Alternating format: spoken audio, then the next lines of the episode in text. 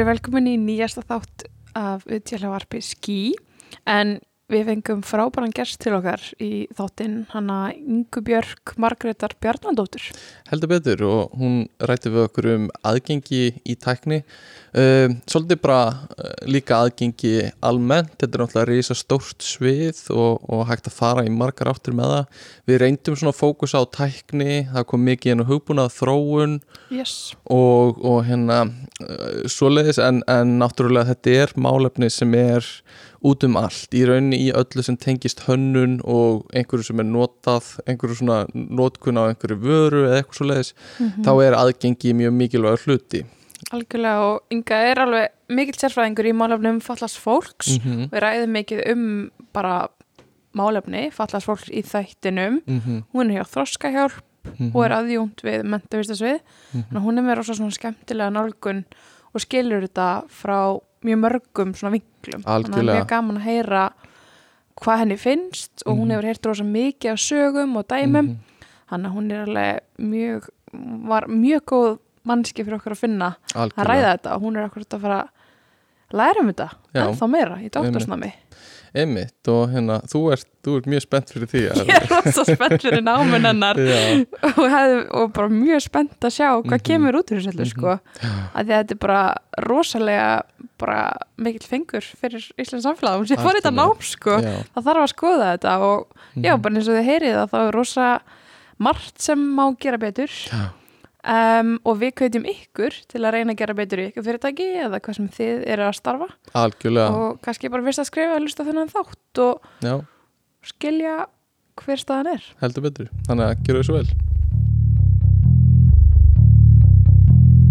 Verið velkomin í nýjasta þáttinn. Hér erum við með hana Ingu Björk. Verður hjartanlega velkomin. Takk fyrir. við ætlum að tala um aðgengi í tækni Mhm. í þessum þætti. Mm og uh, Inga, þú er sérfræðingur í málefnum fallarsfólks hjá Þroskahjálp og aðjúnt við mentavistasvið Háskóla Íslands og Já, ég er að fara að byrja í doktorsnámi við mentavísindasvið. Skoða þar um, stöðu fólks með þróskamlun innan svona stafræns heims og Mhm. hvernig þeim gengur að fóta sig í svona þessum nýja heimi. vá, Sem- það er ótrúlega spennandi og bara passa rosa mikið inn í umræðefnu okkar í dag og hérna, við erum búin að vera svona, ég er búin að vera með hana þátt í haustnum svolítið lengi, mm -hmm. vissi að ég vildi taka hann og hérna ég fekk eh, hérna, mömmu mína til að hjálpa mér að skrifa handrit og, og spurningar og svona. Uh, þannig að já, hlustendur, ég er ekki trættu við það að byggja mömmu mínum hjálp. Þannig að hérna uh, og þannig að ég er Það ég gleymist að mamma þinn er legend í bransanum, sko. það gleymist hérna, uh, þannig að, að um, ég, já, ég, bara, ég held að þetta verði mjög áhuga, áhugaverður og góðu þáttur. Um, en Engin pressa. engin pressa, nei, nei, nei, nei, alls ekki. Uh, en, en eins og vanalega þá væri bara gaman að- kynnast þér aðeins og þú getur sagt okkur þú veist, hvað hérna bara já, frá sjálfriðar, mentun og, og svona hvernig þessi áhugi kviknaði og hvað er svona, svona það sem þú hérna gerðir til að komast í, í þessa stöðu og af hverju Þetta eru stóru spurningar já, bara, svona stiklað stóru Svona á fimm tímum. Já, já, já. sirka. Ok. Ég hérna um, sérst, er listfræðingur. Ok, í grunninn. Ég kláraði sem bíagráði og masterskráði í listfræði og fjölmjölafræði og ég er sérst fyrir þá sem hérna, þekki mig ekki að vera að hlusta þá er, sérst, er ég í hjólustól og er svona kannski best þekkt sem svona föllunar aktivisti Mm. og hérna fyrirhandi tvittarstjarna, ég var að eða aðganginu mínum. Nei. Karate babe. Já, já, og hérna og já, ég er sérst búin að vera réttinda bara til fallast fólks í öruglega 10-15 ár.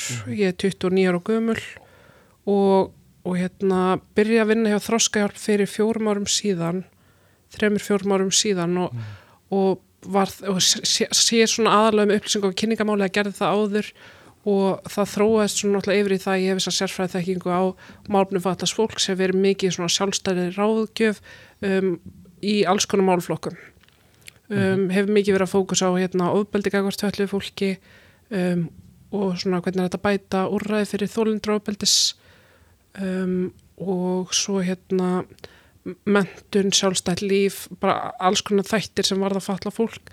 Eins og einhvern veginn fæ ég þetta svolítið á heilan, þú veist þessar miklu breytingar e, samfélagslega breytingar sem eru að verða og sem erum að sjá og hvernig þær munu hafa áhrif á lífallas fólks. Og auðvitað eru jákvæðin á mörguleiti góð Já, en það er svona þessi skuggarliðar sem maður svona hefur smá ágjur af og, og, það, og það er bara svolítið þannig með falla fólk að það gleymist svolítið í þessu. Þannig ég fæ svona svolítið áhuga á, á því að skoða þessi tæknimál og er svona, hef sjálf alltaf verið kannski svona smá svona tækni nörd, ég er mitt manneskjan sem er fenginn til þess að laga prentarana. Næs svo rættum við náru viðtali byrjaðir Já. og hérna, sem er margir sem var að hlusta að tengja við. Já, einmitt. Og hérna var ég á rátir virkar ekki, var ég frábært í kem já, og, og hérna þannig að já, ég svona hef hef verið svona þess að stúdera þetta og þess að stafrænu framþróun hjá ríkinu hjá sem sagt, fyrir höndþróska hjálpar mhm, um, og svo sagt, svona leiðist ég út í það að fara að kenna í Háskóla Íslands og, og reyndar í fleiri háskólum líka, ég er að kenna líka í Háskólum Akureyri, þar kenni ég lauruglufræði ok. Ok, lögreglufræði? Já, ég Ok. okay. er bara í mjög svona ólíkum sviðum sem það sem falla fólk er samt alltaf svona svolítið bara já, þunga miðjan. Já, en ég sérst er að kenna í lauruglufræðanum samskipti við falla fólk kenna lauruglunemum samskipti um hérna og um bara svona þú veist réttindi fallas fólks, óbeldi gagvart fallu fólki. Um, og svo er ég að kenna líka, hef ég verið að kenna í listaháskólan líka um lista Ok, listir og föllun og líka reyndarinn að hái og, og hérna en ég er sett svona slísast inn í svona mikla kennslu hjá, á Já. þroskaþjálfa hérna dildinni í, Mm. á mentavísindasvið og bara svona finn mig algjörlega þar og hef, hef alltaf fundist mjög gaman að vera í háskóla þannig að, ok. þannig að og svo sett var ég að sækjum núna að fyrir dóttursnám og í, Mhm. í sett þessum út þegar ég bara svona alveg kom með þetta svolítið á heila þessi stafran framtráðan og, og hérna og ákvað bara að láta slag standa þannig að ég er að byrja í dóttursnámi núna eftir áramót. Já, geggja spennandi og veistu svona hvað fyrstu greinarna þínar varðum Já, ég ætla svona þess að skoða bara svona þessa orðræði í kringum, farið svona orðræðagreiningu í sem sagt, kringum þessa stárunum framþróun hjá henni ofinbara. Mhm, ok, Hvernig við tölum um, um sko bæði falla fólk og mannréttindi mhm, og svo hvernig, hvernig við tölum um, um hérna stárunum framþróun. mhm. Og svo mun ég líka að skoða hérna, þetta er þetta alltaf ennþá svona svolítið löst í reybunum en, en hérna en líka að skoða bara svona hvernig fólk stendur innan þessa stafræna heims og til að. Íslands stjórnvöld hafa náttúrulega lagt gr- gríðarlega fjármunni í stafræna framþróun Mhm. og það er mjög mikilvægt að skoða það hvernig falla fólk stendur innan hennar því að það er bara því miður ekki Mhm. alveg nógu vel og við sjáum bara hröð, að þróunin er mjög hröð Mhm. án þess að vera býða eftir því að taka um, tillit til og veita stuðning og aðlugun uh, fari notendaprófunir uh, keira kerfin í gegnum þessar linsu, þessar föllunum linsu eins og stjórnvöldum ber skilda til þess að gera. Mhm. Algjörlega. Og hérna við sáum þig halda fyrirlestur núna fyrir nokkrum vikum, mánuðum. Mánum um hérna um uh, ráðrann skilur ekki rosa mikið og hérna og það gengi smál og, aðgengismál. og bara svona röddina sem hann á að hlusta á mm. eða þú veist mér finnst svona mjög skemmtlegt að þú sýndir glæru í fyrirlestunum af hjólastól sem að var búið að smíða til þess að fara upp tröppur. Og það var svona mjög minnistætt bara eitthvað þetta er ekki það sem við viljum. En þetta var eitthvað sem að einhver held að væri ógislega mikilvægt. Mm. Það er svo mikilvægt, maður þarf að spyrja og aðtuga og ekki bara eitthvað ákveð eitthvað. Einmitt. Og þetta er mjög svona mikið gert grína þessu svona í föllina kreðsum, þú veist, að hérna þessir hjólastólar, það örugglega allir séð sem myndbönd einhvern tímann á Facebook, einhverju svona rosa, miklu svona cyborg hjólastólar sem er að klifur upp Mhm, tröppur og, og fólki finnst það geggja, fólk deilir svo bara þetta er framtíðin og eitthvað svona. En þú veist, þetta er náttúrulega bara óraunhæft, stór Já. og þú veist, Mhm. maður fær ekki eins og neða rafluð sem endist í hjólastól sinn þannig að, og ég minna hjólastólar eru 200 kíló og þeir eru mjög einhæfir í virkni Mhm. og það er mjög mikið svona vandamál þú veist að það er hérna svona hvað heitir þetta, hérna verndun á hug, hugverkaréttur Mhm. mjög sterkur á hjálpatækjum þannig að þú veist, Já, það Það- er copyright og, Já. já, já, þannig að þú veist þú er kannski með eitt, eitt fítus í einu hjólastól sem er geggjaður og þá bara á það fyrirtæki þann fítus og e- ekkert Ok. annað fyrirtæki þannig að Mhm. þú ert alltaf að svona velja einhverja hjólastólu sem eru hérna, mis, misgóður og mismundi sviðum þannig að þú veist þú ert einhvern veginn alltaf svona, þú veist, þessi fullkomni hjólstól er því meður ekki til út af, því að, út af þessum flækjum en allavega með, þú veist, við viljum bara rampa og liftur og við viljum stuðning og aðstóð, við viljum ekki vera í hérna hálku og greinrygning og frosti eða í myrkri að klif, í einhverju hjólstól sem klifur Nei. upp stiga, þú veist. og það er búið að, þú veist, þa- svona hjólastólar voru til dæmis upphæðið að segvi það voru einhverju það. gæjar sem allavega með að við, þú veist, það sem hérna, ég las og hérna, það, ég tek ekki ábyrð á þessu en, en hérna, að þú veist að það verður einhver gaurar sem hafa fengið styrk til þess að búa til svona hjólastóla Já. sem klifruð upp tröppur og, Ok. og stiga og svo notuðu þeir það, og þú veist, það gekk að þetta ekki og þetta er bara miklu flóknar heldur en lítur út fyrir að en gáttu notað grunnlausnina til þess að búa til segvi Já, og Segway er svona hérna svona tvíhjóla eitthvað prik það er svona prik Já. með svona tveimur hjólum Já. neðist og þú getur staðið upp á því og hérna, þetta er svolítið eins og hoverboard board sem kom í tísku fyrir nokkrum árum. Já. nema með priki upp úr og Já, svona stýri handfangið. og þú svona hallaði fram og það ferði að Já. staða eitthvað svona Já. Líka bara, þú veist, það er svo, svo ógeðslega dýrt, það er svo margt annað sem þetta er að gera á undan þessu, Einmitt. bara eitthvað að byrjum þarna, bara, og, og þá er ógslag merkilegt þegar fórum að skoða þess að sko tröppu og því ég, hugsa, ég fór að bara hugsa eitthvað af hverju er tækniheiminu svona með svona mikla þráhyggju fyrir hjólastólum sem geta klifrað upp tröppur mm og þú veist, fyrsta dæmið sem ég sámynda var sko frá hérna, 1600 og eitthvað þú veist, þá hafði einhver hérna, tech bro á 17. öld verið að, búa til hjólastól Einmitt. Þetta er ótrúlega pyrrandi þessi hérna uh, þessi copyright uh, engaleifis bransi. Þetta er líka svona í livja bransanum og pyrra með óendanlega mikið Já, að hérna, þetta er svona eitthvað sem á að bæta og þú veist, gera gott fyrir mannkynnið og það er falið baka einhver svona engaréttsvegg Einmitt. og þú veist, auðvitað skilja að einhverju leiti þróun og það þarf að vera peningar og eitthvað kapitalismi, bla bla. Eitthvað svona, en hérna, þetta er samt bara þú veist, þetta er svo leiðilegt að sjá þetta. Já, bara líka svona ætti bara að vera open source, sko, já, já, Þetta er- algjörlega. Að einhverju leiti allavega. já, Þetta er algjörlega. en allavega þetta er, þetta er hérna risastór, risastórt svið þessi þáttur sem Já, ferum og, og hérna aðgengi uh, hérna, já, kemur inn á eins og hjá fötluðu fólki en það getur líka verið fyrir bara, uh, bara allt fólk og, og hérna gamalt fólk og eitthvað svona og hérna, en við, við, þú veist mér finnst líklegt að verði svolítið svona fókus kannski á, á fallað fólk og, og mér finnst það bara alltaf lagi í þessum þætti. En bara að fólk viti, þetta er meira og þetta er risastórt svið og kemur allstaðar að. Um, en, en ef ekki bara að loka hérna uh, umræðinni og hérna kynningun á yngu með smá hraðaspurningum og bara drífa okkur svo í, í hérna uh, að ræða aðgengi. Hvernig hljóma það? Mjög vel, ég ekki eftir betur sko þannig ég er tilbúin ó, Ok. geggjað. Kegi, uh, ég ætla ég ætla þá að spurja mjög hratt og, ég var ógisla léli gæti betur Ó, þannig að spila ok, hægt nei. ok, ok Þetta er endur ekki trivia, sko. Nei, þetta er hérna þetta eru svona preference spurningar skoðana spurningar um, þannig að hérna ekkert rétt á ránt og, og ég ætla bara svona að slá til þér nokkrum uh, spurningum þannig að hérna ertu Android eða Apple? Apple mannskja Útlit eða notagildi?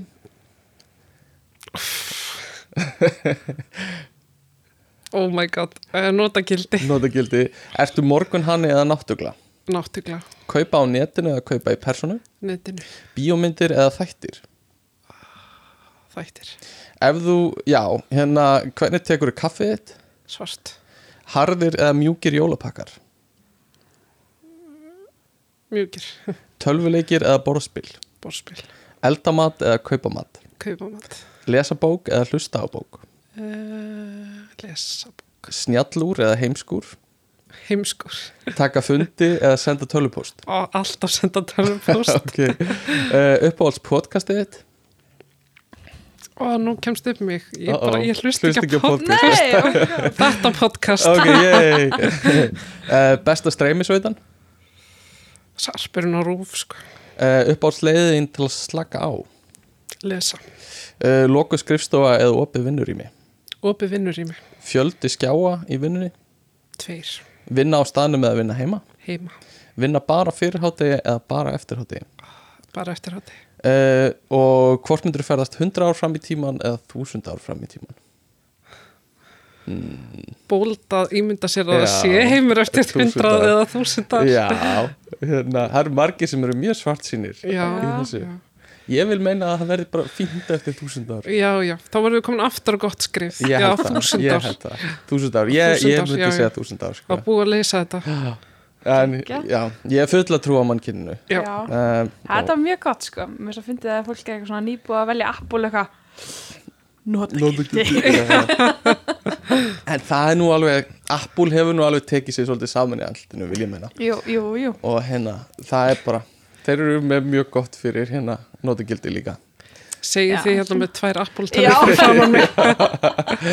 Já, Ég er með úr líka sko Já. Mhm. og síman Já. Ég er kolm Ég bara elska þetta sko, einmitt, þetta tala allt saman, ég, Ég bara tek það. mynd og opnast Mhm. í tölfunni. Eða þú veist, taka myndana með úrinu Stillir símanum upp og notar úrið sko Já, ok, vá, ég er ekki komið þarna sko. Magna. En sko, Android, þið geti gert þetta allt í Android líka. Þetta er ekki eins þægilegt. Já, ég veit það, það er það sem allir segja. Uh, Það Já, er eitthvað En sko, já, notagildi, þú veist, ah, falleg hönnun er, þú veist, með gott notagildi. mm -hmm. Já, það er partur af því, sko. Og það er með lélegt notagildi ef það er ljótönnun, þannig að hérna. reyndar, reyndar. Og kaupa á netinu, eittir mikið á hérna cyber dögunum síðustu? Nei, ég er, ég versla mjög lítið, Ok. En ég elska krónuappið. ah, Þar versla ég, þar Já. eigði ég mínum tekjum. Já, krónuappinu. Eins og sönn móður í útkverfi. ummitt Kristjana er líka svona hérna, hún, hún skannar og skundar. Við fórum að mér finnst þetta svo skemmtilegt. Skanniðum og Æ, skundiðum æ, um daginn Það Já. var mjög skemmtilegt uh, Það er gaman að fá svona falleg íslenska. já, Já, já, þetta er það. Mér að var þetta alveg svona smá krins fyrst og svo Mm. er þetta bara, þú ert út í búð. Já, þannig að Já. það er alltaf lægið þetta sé krins Já. Æ, ég veit ekki, ég kann að heila góð íslensk orð og kann ekki með þetta þegar fyrirtæki breyta nöfnunum sínum. Úr nýherja í Origo sem er uh, nei nei, en hérna Það er svona, svona allavega. mér finnst mjög skemmtilegt að þú valdir eftirhátti. Ég held að að vinna.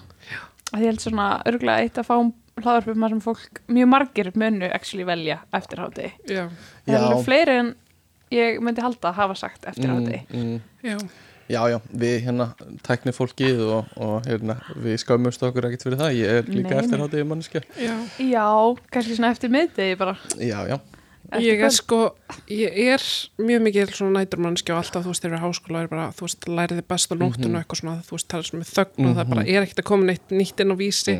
Bara já, eitthvað svona já, já, að, þetta ég held þetta sé eitthvað aðt í hátti dæmi það er bara enginn að setja neitt á Instagram það er enginn að gera neitt, þú ge- kemst ekki upp með neitt annað sko, Ég ekkert inn á vísi, þetta er svo gott ég Já. tengi svo við þetta, Já. og á tímabili Já. var hann alltaf kláðan 5 og Vá. þá er bara dagurinn komin rosalega langt þegar klukkan er 12 á hátti sko, þannig að Já, vá, það er svona aðeins verið að neyða mann í þessa aðtípu já, ég hef heyrt þetta sko Já.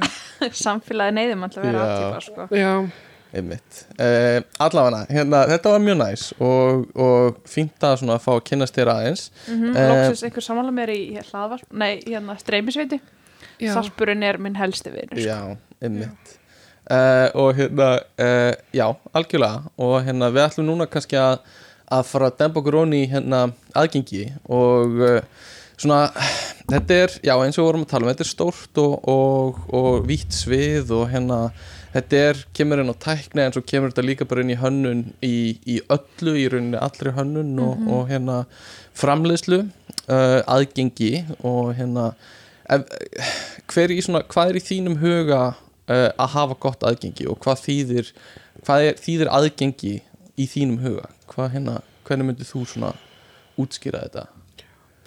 Sko aðgengi þýðir náttúrulega bara þú veist þess að hópur sem við erum að fókusa á hverju sinni geti notað um, vöruna eða hvað sem við erum að bjóða upp á. Og aðgengi getur verið rosalega margt og við erum svolítið föst í því um, út af því bara hvernig samfélagi er og hvernig hugmyndir við höfum um föllun að aðgengi séu einmitt rampar, liftur um, svona út af því við hugsum föllun svolítið út frá hjólastólnum. Já, en aðgengi er svo miklu meira og þú veist, það er blindra letur uh, eða hérna punktaletur það er hérna uh, auðleysi mál fyrir fólk með þróskömmlun eða einstaklingar sem er erfitt með að lesa uh, skrifaðan texta.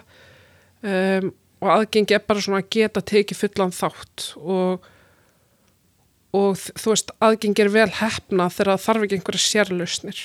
Einmitt. Og við erum líka svolítið föst í því sem samfélag eins og bara, þú veist, getur nefnt bara byggingu, þá var harpan mjög gott dæmi um það, þú veist, þú ert að byggja hérna nýtt hús fyrir miljardða einhverja rísa tónleikahöll.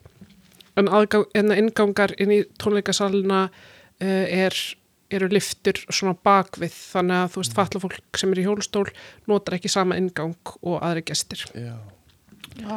um, eða til dæmis ég get bara nefnt með um, já, eitt app sem ég ætla ekki að nefna. Ok.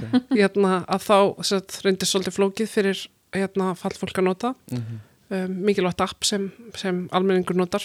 Mhm. og þá átti við sko að fara að prenta út efni til þess að geta láti fólk fá til þess að geta nota appið í staðin fyrir að notenda hönnunin væri bara það góð að það þyrst ekki eitthvað sér Einmitt. útprentað dæmi fyrir fólk til þess að nota einmitt Og Og það þú bara leiðbyrningar sem Já. áttu út. Já. og þú veist, þú ert ekki með A4 blað til þess að skoða um leið og þú ert að hérna, nota eitthvað app Nei, skilur og við nei. viljum og við getum líka bara nefnt hérna, innskráningaferli þú veist, ég er nú ráðan skilir ekki eða hvað sem er þú veist, notenda viðmótið eitt textin sem þú skrifar, allt sem hún gerir á að vera það uh, skýrt og vel framsett að það á að vera algjörlega einstaklingnum algjörlega augljóst hvað hann á að íta næst. Já. og við sjáum að þetta virkar mjög vel um, þegar þú veist jaðarhópar sem hafa kannski ekki mikla tæknifærni til dæmis eldra fólk eins og nefndir og líka eins og fólk með þroskamlun sem er kannski alst upp í skólakerfi sem er aðgreint.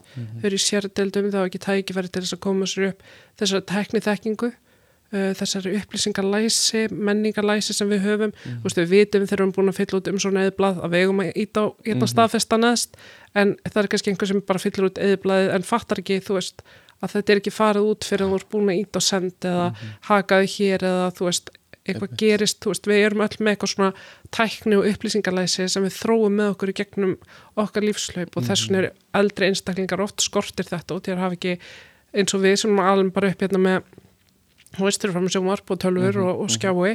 Þú veist að fólk fær ekki þetta tækifæri til þess að þróa þessa hæfni með sér.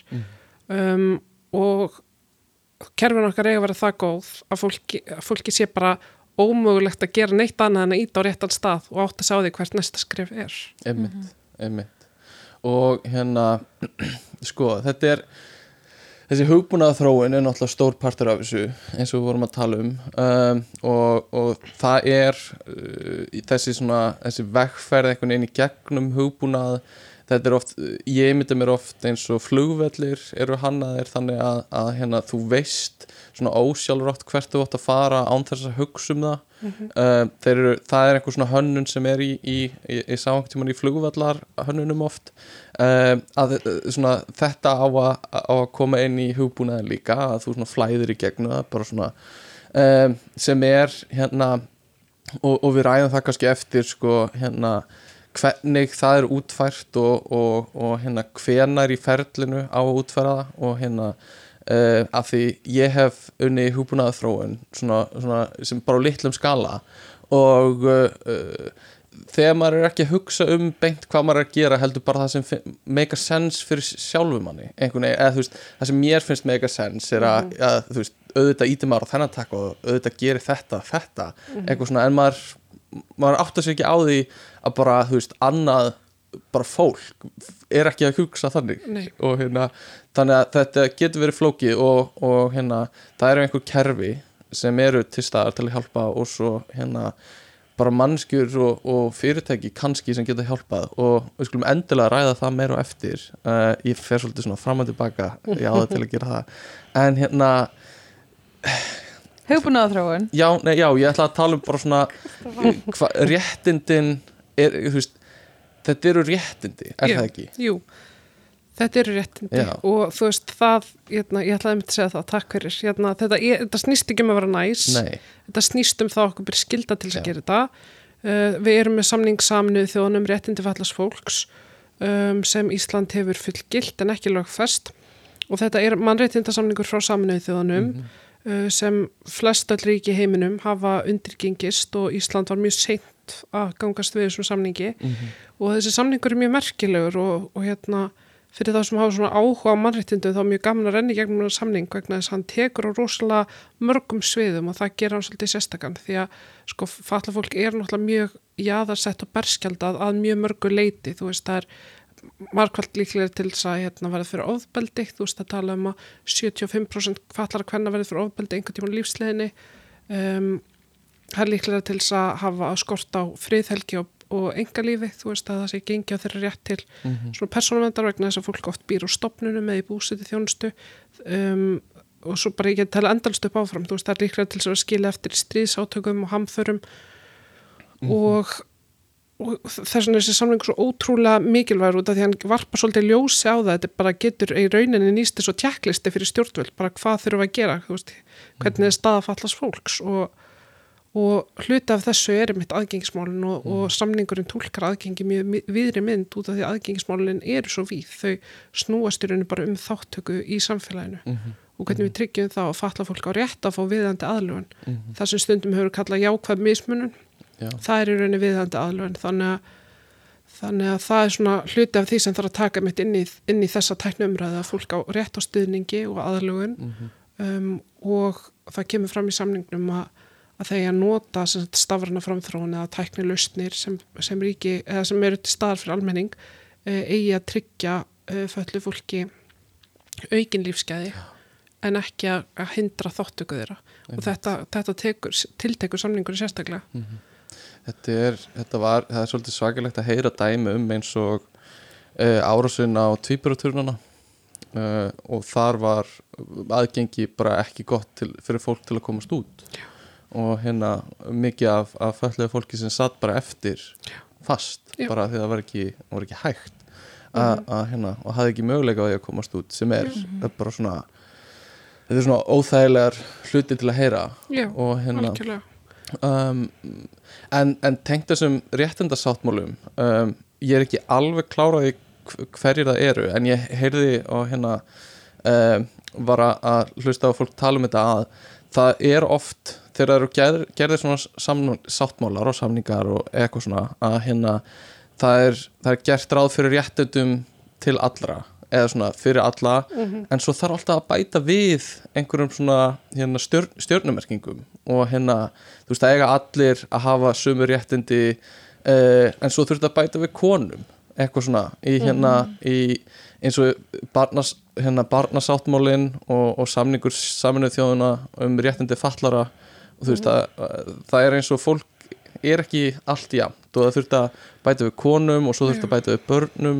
Svo þurft að segja það er allir jafnir og líka falla fólk er líka mhm. jæmt og svo það er allir jafnir og það eru líka fangar jafnir líka. Mhm. og það eru allir jafnir og svo líka fólk með gæðsjúkdóma að þetta er ekki veist, það, er, það er eins og, ég veit ekki hvað það er en það er ekki nóg að segja það eru allir jafnir. Að þurfa að bæta við mhm. fólki, manneskjum Algjörlega og við náttúrulega vorum með mannreitindasáttmálan uh, sem átti bara svona svolítið að döga, mm -hmm. þú mhm. veist, mannreitindasáttmálan samnið þjóða og en svo bara komið ljósa, þú veist, hann var ekki að hafa tilskilin áhrif mm -hmm. og, og það er náttúrulega þannig að falla fólk er í mjög svona ólíkri stöðu heldur um flestar er hópar vegna þess að fólk hefur svo mikla þörf fyrir oft stuðning og aðstóð sem aðrir hópar hafa ekki mm -hmm. og þá er ekki allavega með allir þurfið það en mjög margir uh, sem eru fallaðir það er bara eðli jáðarsetningarna við þurfum mjög mikla, mikinn stuðning og, og aðstofn aftur á móti ef fólk er með annan húðlit en kvítan þú veist, mm -hmm. það, það kemst í rauninni af án allra aðstofar þá það er í rauninni bara þessi svona kerfisbundna mismunum og fordómar sem gerir það verkum að þau eru jáðarsett mm -hmm. en með falla fólk að þú veist, út af því að fólk þarf oft aðstofið bara sinna grunn aðtöfnum lífsins, daglegs lífs þú veist, að klæðast, að borða, næra sig mm -hmm. um, haldið þannig fjármálinn sín uh, aðstóð til þess að geta unnið mm. og svo framvegis að þá er falla fólki svolítið annari stöð og þetta er mitt eitt af þeim dæmum sem ég nefn ofti í tengslu ofbeldi að við erum kannski með svona kannski svolítið aðsald segja svona mainstream ofbeldi, þú veist það sem er með kynbundu ofbeldi sem er mm. heimilisofbeldi, kynferðsla áreitni, en fatla fólk verður svo fyrir öðru lægi af mm. ofbeldi vegna stöðu sem mm. út af því það er miklu líklega til þess að búa til dæmis í búsetu þjónustu það sem það er starffólk sem það ræður ekki sjálft -hmm. um, og það hefur mjög takmörkuð yfir og yfir einn lífi, getur ítla kvarta yfir því ef starfsmæður kemur ítla fram við þau uh, ofbeldi getur til dæmis verið að taka hjálpartæki af fólki uh, svo að komist ekki leða sinna taka síma af sjónskertum með blindum einstaklingi, símar eru stort hjálpatæki fyrir þann hóp, en þú veist auðvitað væri það, hérna ef maki þinn myndi taka þér símaðin Kristjana, þú veist, það er auðvitað, þú veist svona einhver kúin fólkin í því, en þeir eru orðið hjálpartæki sem er þeir lífsnöðslega til að koma á stað, til þess að flýja, til þess að sinna aðtöfnum daglega lífs, þá bætist svo svona merkingaþrungi lag Mhm. ofan á það skiljið, þannig að það er ekki hægt að horfa ofbeldi með sömu glerugum þegar þetta er uh, ófallar konur eða svo fallar konur. Og þess vegna er þessi samningur svo mikilvægur af því að hann hjálpar okkur svona að setja í samhengi einmitt, það er hægt að lendi stríðu og vera flóttamaður en hvernig er það þegar þú getur ekki flúið þú getur ekki orðir út um mat og þú veist til dæmis bara neyðaraðilar sem dreifa hjálpar hérna gögnum þeir mæta bara eitt stað og svo kemur fólk og sækir sér mat. Já. hvernig á einstaklingur sem eru í hjólastóli eða manneskja með þróskamlun að geta komið sér í þessa aðstæðar að sækja mati sér sjálfar? Um, fólk þarf að fara niður í kjallar að leita skjóls í hérna, niðurgröfnum sprengjubyrgjum og svo slíkt um, og það var bara til dæmis síndis í Úkræna þá bara óaðgengilegt mjög mörgu föllu fólki alveg samkvæmt á reyfihamla eða ekki.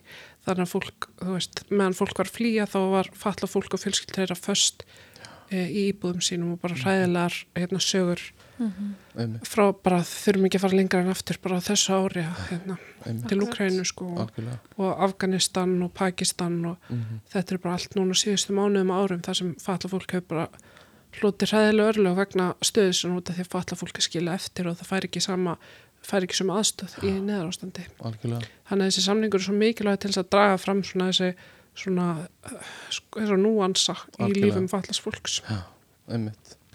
Um, sko ef við, ef við hérna spólum aðeins tilbaka og uh, bara förum fyrst og, og reynum að ræða aðeins sko hvernig nýtist tækni fölluðu fólki?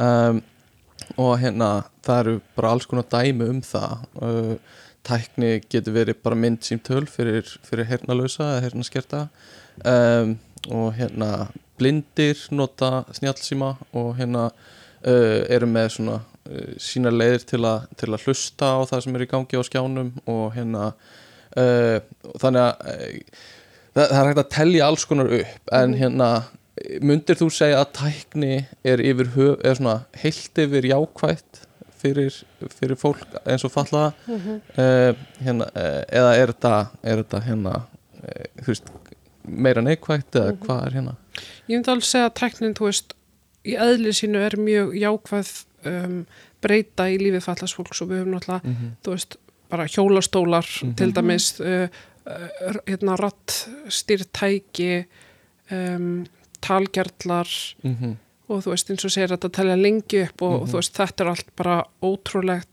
hugvit sem er gert fólki bara algjörlega klifta bara lifa lífið sína án hindrana Mhm. Og ferðast um heiminn og þú veist, ég meina, ég sjálf, þú veist, flutti til Feni á Ítalju, Mhm. bara, þú veist, ég hef aldrei gett gert það sem ég var með ramasjólstól, Mhm. þú veist, og, og all hjálpatæki sem ég þarf til þess að sinna mínu lífi.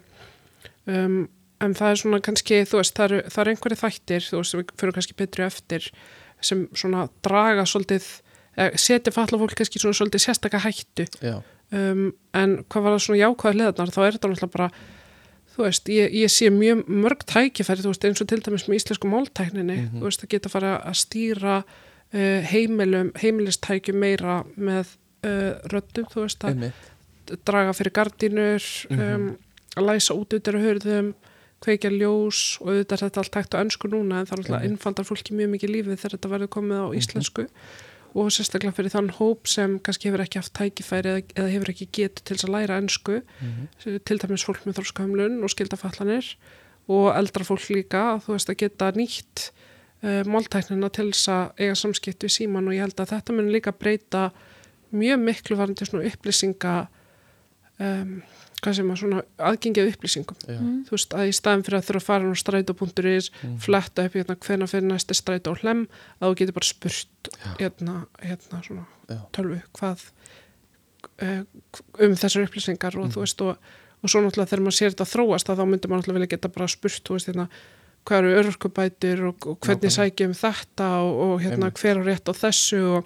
Og svona pínu réttinda þú veist miðið Mhm. nálgun á, á þetta. Fólk getur fengið verið með svona kannski persónlegan talsmann eða þú veist, persónlega talsmann er þetta einstaklinga sem styðja falla fólk og þá yfirleitt fólk með þróskamlun að það sé hægt að eignast svona bandamann í tækninni sem segir frá þeim réttindi svo áttu, ég menn þetta er kannski svona framtíðamúsík en þróunin hefur samt verið mjög hröð. Algjörlega.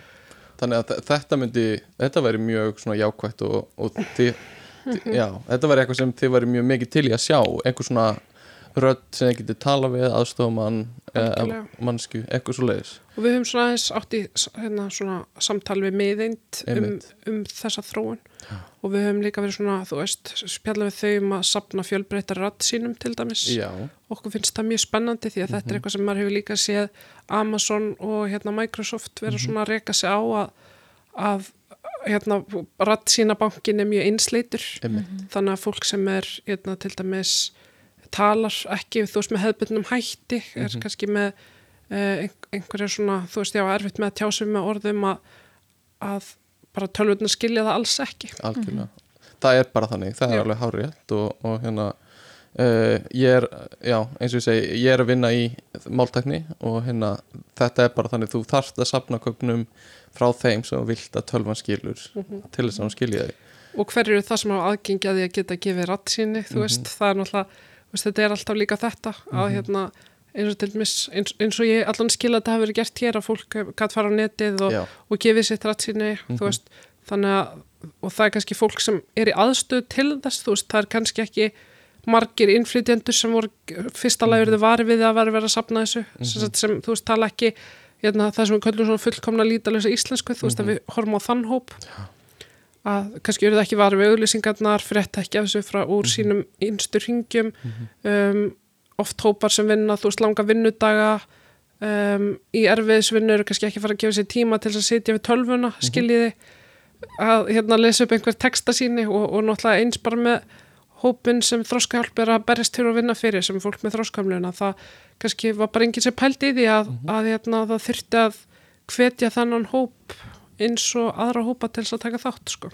algjörlega og hérna um, þetta er, ég hugsa að þetta sé að þetta er alltaf vandamál og, og hérna það er ekki hugsað nógu um þetta. Ég held að hugsun sé oft sko um, bara reynum að gera þetta og hérna uh, reynum að klára eitthvað Já. og hérna fáum eitthvað og svo eftir á kemst fólk að að við hérna gleymdum þessu eða gerðum þetta ekki.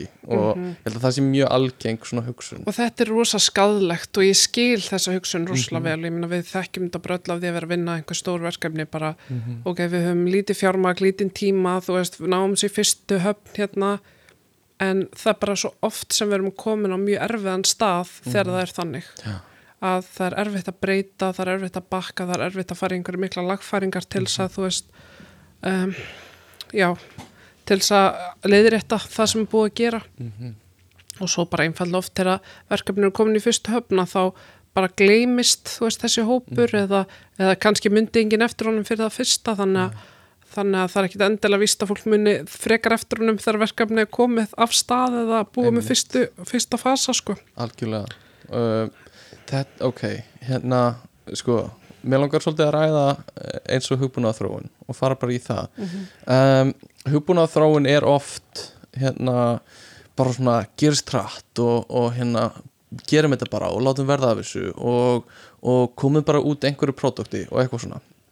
Um, hvar að þínum mati í ferlinu uh, á að, að hérna, byrja að hugsa um aðgengi fyrir uh, bara alls konar fólk og á að hugsa frá byrjun fyrir alla eða á að taka með af hverju fjölmennastu hópurinn í aðgengismálum og pókusa á það til að reyna að kofra sem flesta eða svona hvernig myndi maður nálgast þetta og í hvaða tímalínu frá byrjun eða hvernig sér þú þetta? Þetta vil- vildi maður óska þess að, að fólk sem er að þróa hugbúna myndi hugsa að auðvitað ég allar geta að nota hugbúnaði minn. Þú veist, ég vil ekki að hérna, það sé einhver hópur samfélagsins sem getur alls ekki nota það sem er að gera. um, en það kvíla náttúrulega mjög smikla skildur á eftir hvort þetta er enga dæmi eða ofinbært dæmi. Þannig að Þannig að auðvitað ættu ofinbæra aðilar eða, eða einstaklingar sem er að vinna fyrir ofinbæra aðila að hugsa þetta strax frá byrjun. Og þá myndi maður vilja sjá bara strax hjá hugmyndastíinu kallaðinn að, að það eru kallar inn einstaklingar sem hafa sérfræði þekkingu um, til þess að ræða þetta mál. Það væri þá, þú veist, bæður fyrirtæki sem gera þetta og svo hagsmunarsamtök sem eins og hérna, þróskjálp og, og náttúrulega örkjabandalagi líka og sem, sem þessi, þessi fram, hérna, þróendur koma og hafa samband við til að fá input og Já. bara hjálp í þróuninni Já, og ég veit að blindrafélagi hefur líka hérna, tekið virkan þátt í að aðstóða Mhm. uh, það fyrirtæki sem heitir Sjá Mhm. sem hérna, hefur verið mikið líka í þessum málum Ok. Og eflust fleiri sem ég hérna, bara er að gleyma að telja upp og hérna en það er bara rosa mikilvægt að kalla til einstaklinga út af því að á fyrsta, st- sko strax á hugmyndastíðinu þá, þá er svo margt sem þarf að pæla í. Það er kannski Veist, þetta er ekki eins og að klára einhvern vef og svo bara, já, svo þýðum við hann yfir á ennsku þegar þetta er búið, skilur eða eitthvað. Þetta er ekki þannig, þetta er bara svona með alla virkni, þú veist, bara út af því við skiljum að þetta ekki veruleika fólks.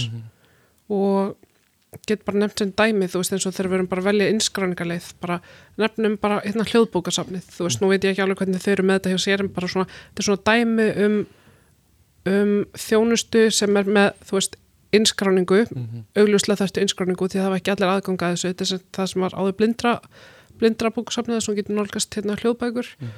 Og, og en þú ert ekki með einhverja mikla trúnar upplýsingar á bakvið. Um, það er kannski bara einfaldast að fólk hugsa bara já, notum bara ráðan skilríki. En það er ekki allir sem fá ráðan skilríki. Það er ekki bara það að fólk vil ekki nota ráðan skilríki eða geta ekki bara það er ákveðin hópur í samfélaginu sem vegna öryggiskrafna uh, fær ekki ráðan skilríki eins og staðan er í dag.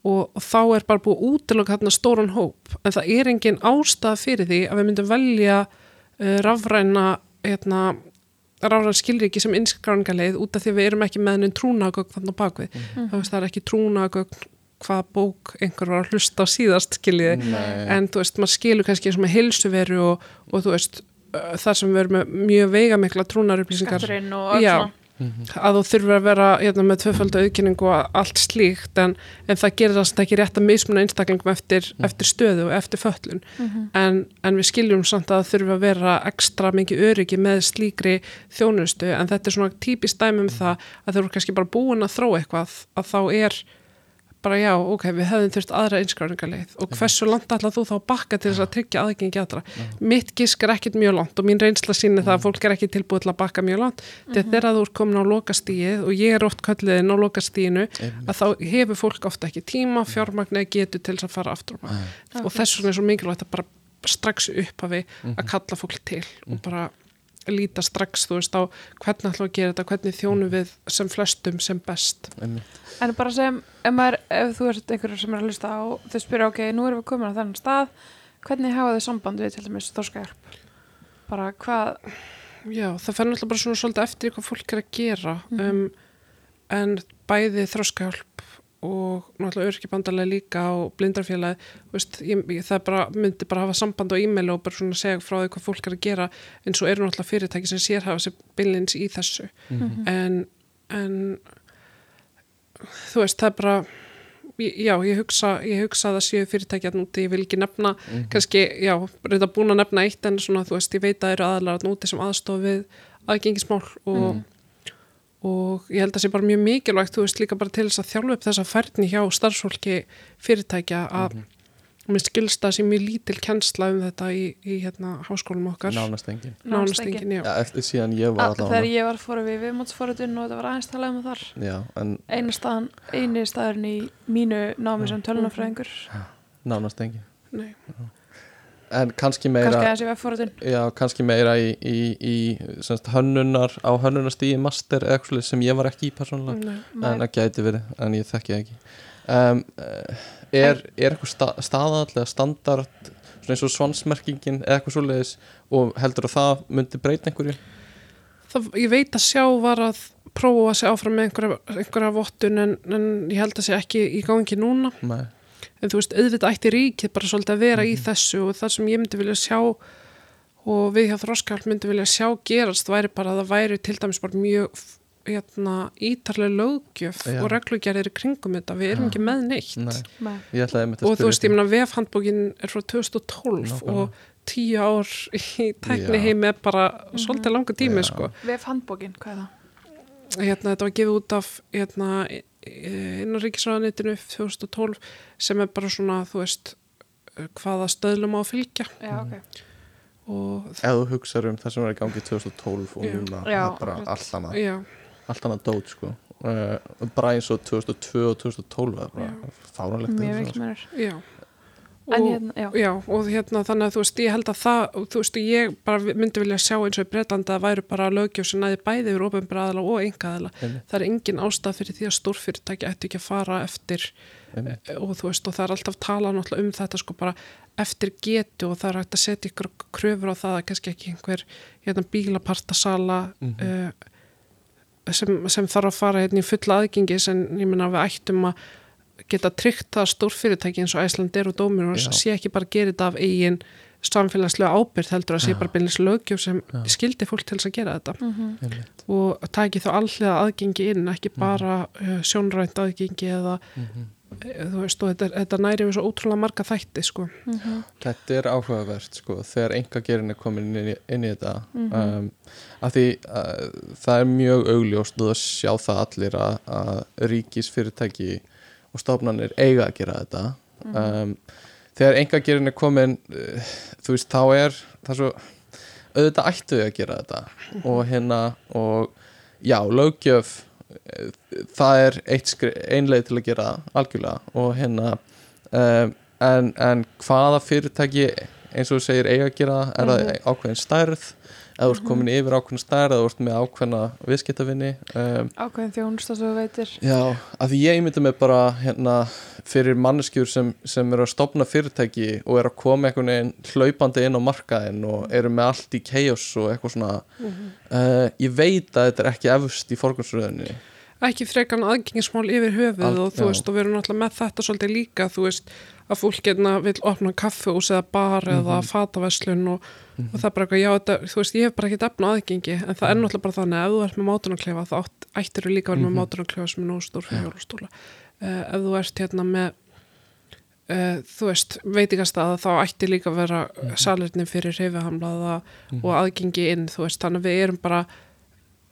þú veist, við erum bara með þessar kröfur og þessar kröfur ætti að ná yfir stafræna heiminn líka og þú veist og þá er það þetta þannig að það er flókið að búa, flóknar að búa til vefsíður en við viljum auðvitað hafa þetta þannig að það sé bara auðvelt fyrir fólk að fylgja þessum stöðlum. Þú veist, auðvitað er þetta margi staðlar og, og hérna, þú veist, 73 liðir í hérna Víkjæk og allt það en þú veist, það ætti að vera hægt að gera þetta með þeim hætti að fólk geti uppfyllt lámarskröfur um aðgengi á einfaldan hátt. Og og það gerum við til dæmis með handbókum þú veist, algjörlega. Og fræðslu og stuðningi sko. við, á hérna á sama viðbörði og, og við sáum þið halda fyrirlestur þá var stórt fyrirtæki að halda fyrirlestur líka uh, um það hvernig þau voru að nálgast aðgengi. Uh, og þau, mér fannst það svolítið áhugavert ég hafði ekki, ekki séð þetta áður en, en svona eftir á hekja þá meikar alveg sens en þau eru með einhver svona, einhver svona innbyggð tól svona tækni tól sem hérna þau þróa eitthvað, forrita eitthvað bla bla bla og svo keira þau einhver svona test bara í, bara í tölfunni skilur, það kemur engin manneski að því. Nei. og bara tölvan keirir eitthvað bla bla bla og segir já þetta er aðgengilegt eða ekki.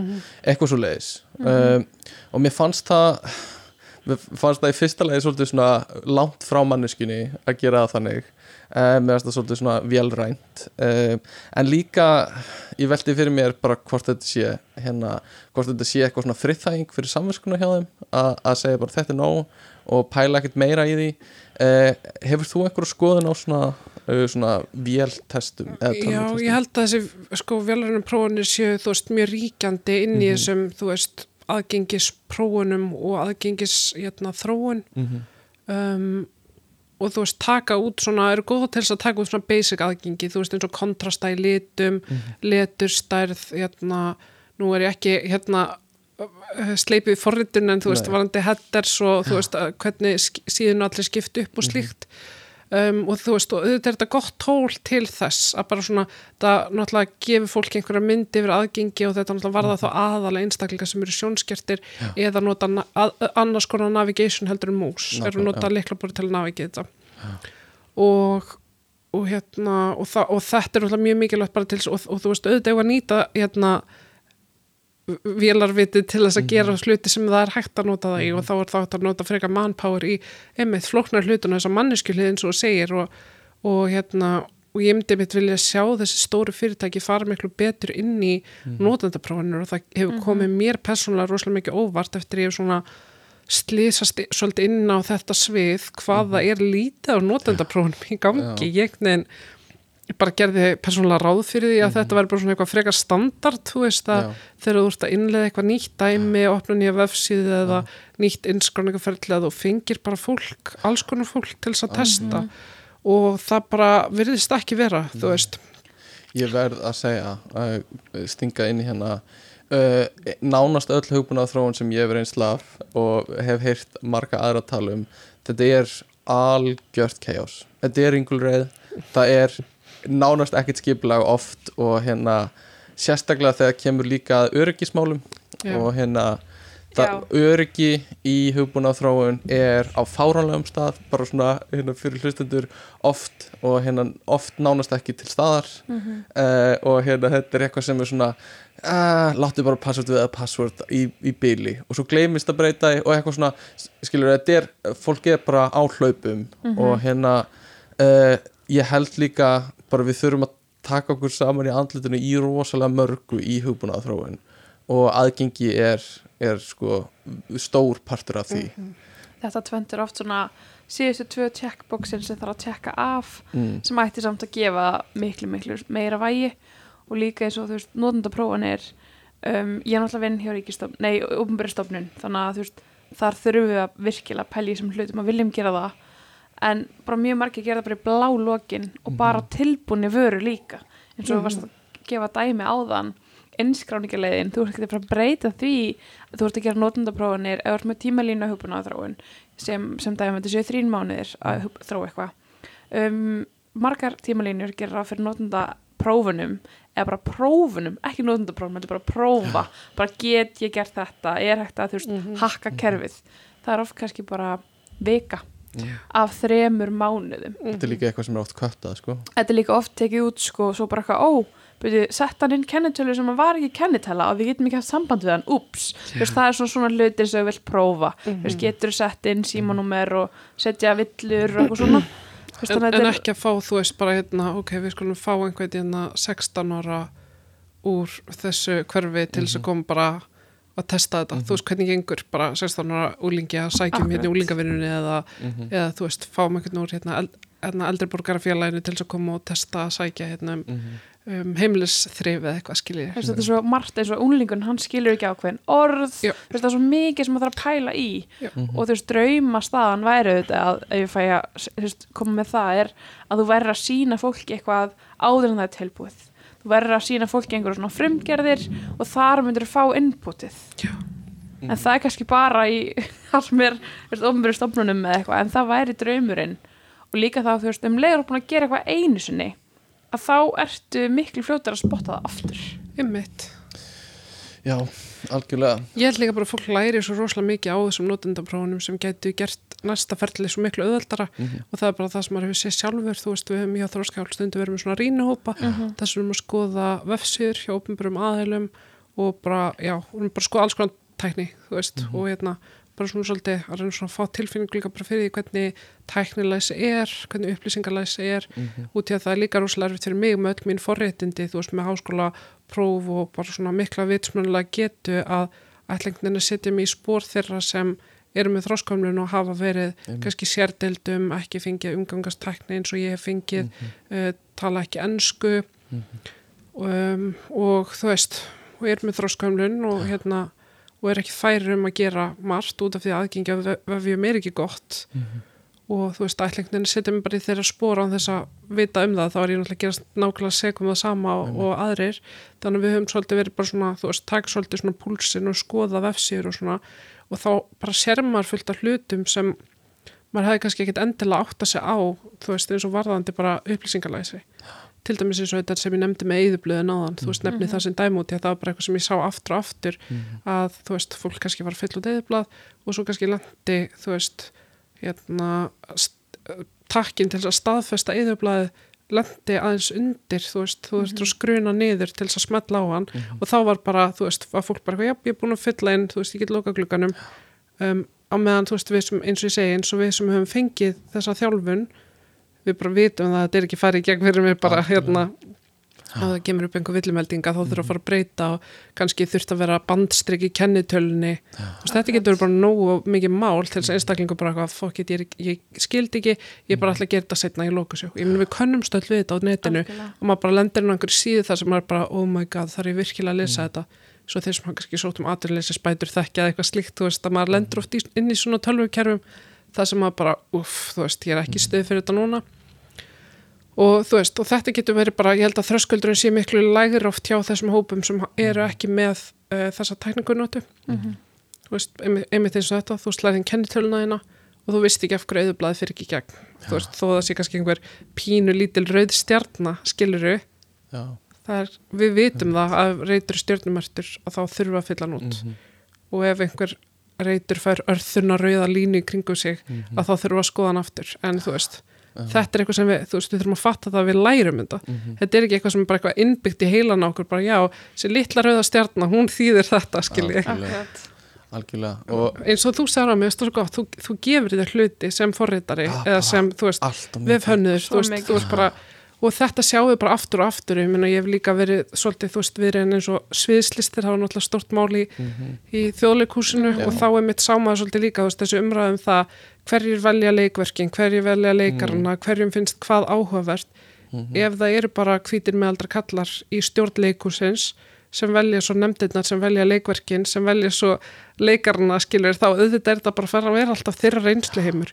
Og auðvitað er þetta eins bara mhm, einhverju gaurar skilur það er stereotýpan sem eru búin að vera tölvunni síðan voru 12 ára. Mhm, að hérna, mhm. ég veit ekki á 4chan eða hvað sem, hvað sem þið gerir. Nei, ok. Nei, algjörlega, jú, jú, jú, jú, og svo færið þið að hérna, hérna búa til eitthvað geggjað innskráningaferli fyrir okkur hinn já, hérna, jú, jú. Og, og ég hef lent í, þú veist ég held ég sé búin, ég skrifa bara svona detailed lýsinga á því sem á að gera.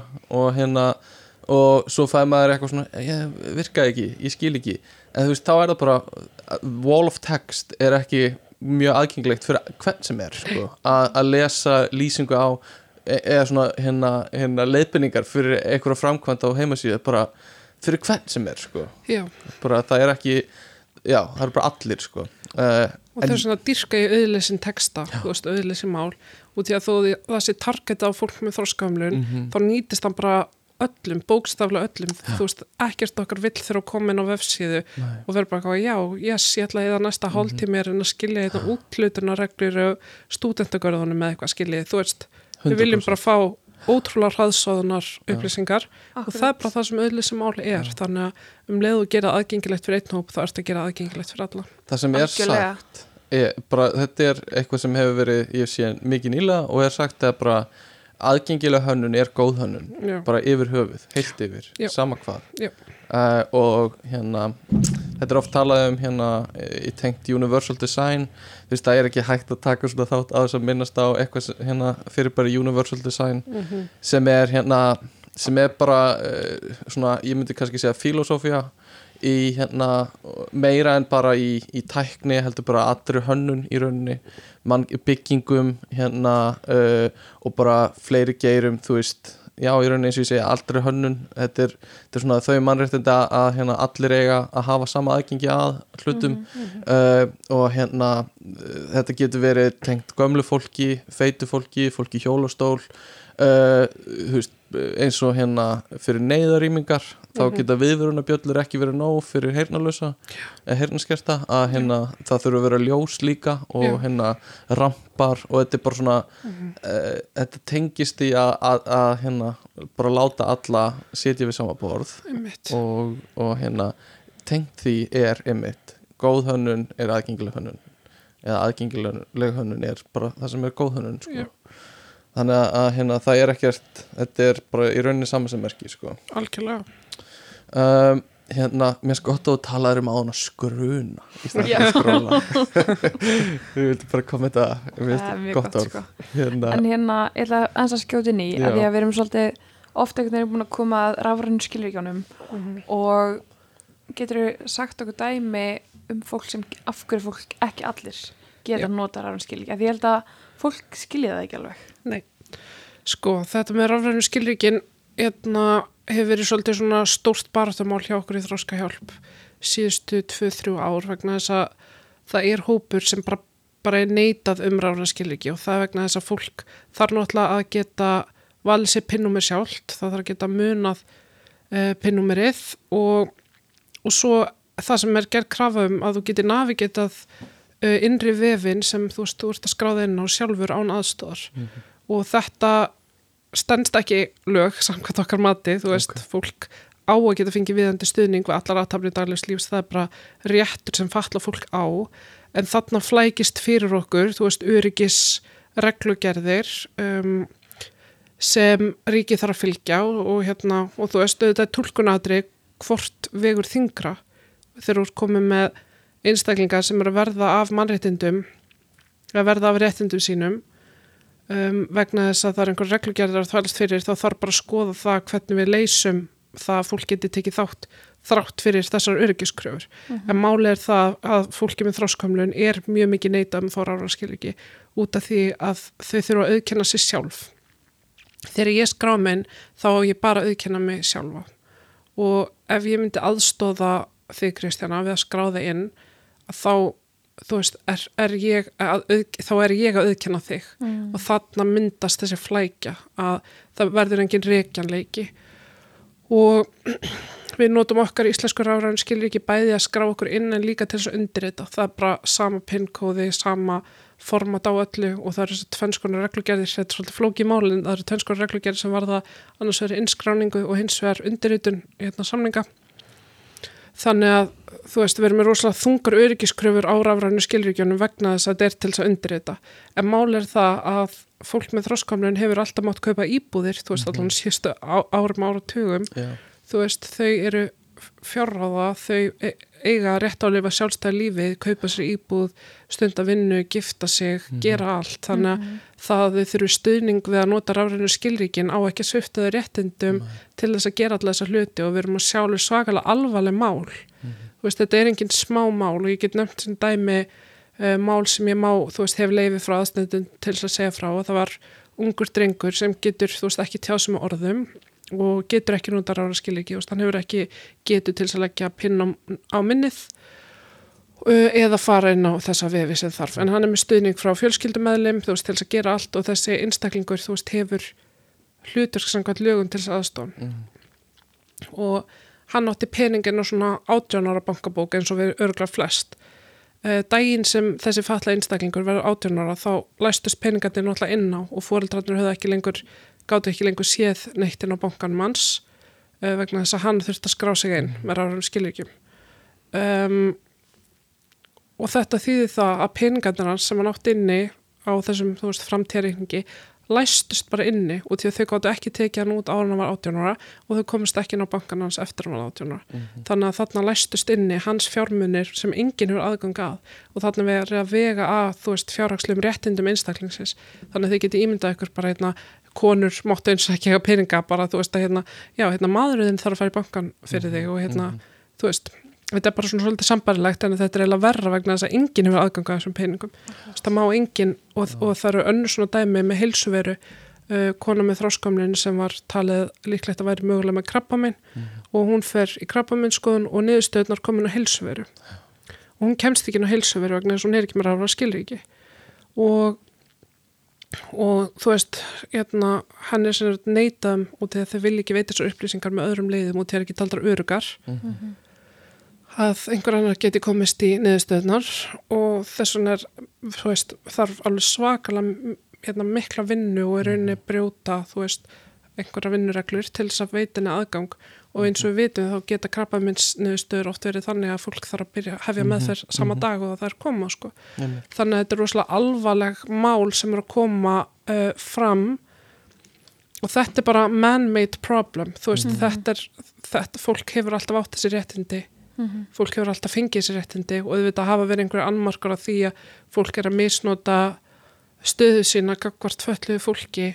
En í mínum huga er miklu betra að hafa virt eftirlit með slíku og góðan stuðning við fólk sem verður fyrir slíkum eh, slíkri misnótkun heldur en að loka fólk algjörlega út úr kerfinu því að mm þessi staða núna er algjörlega galin.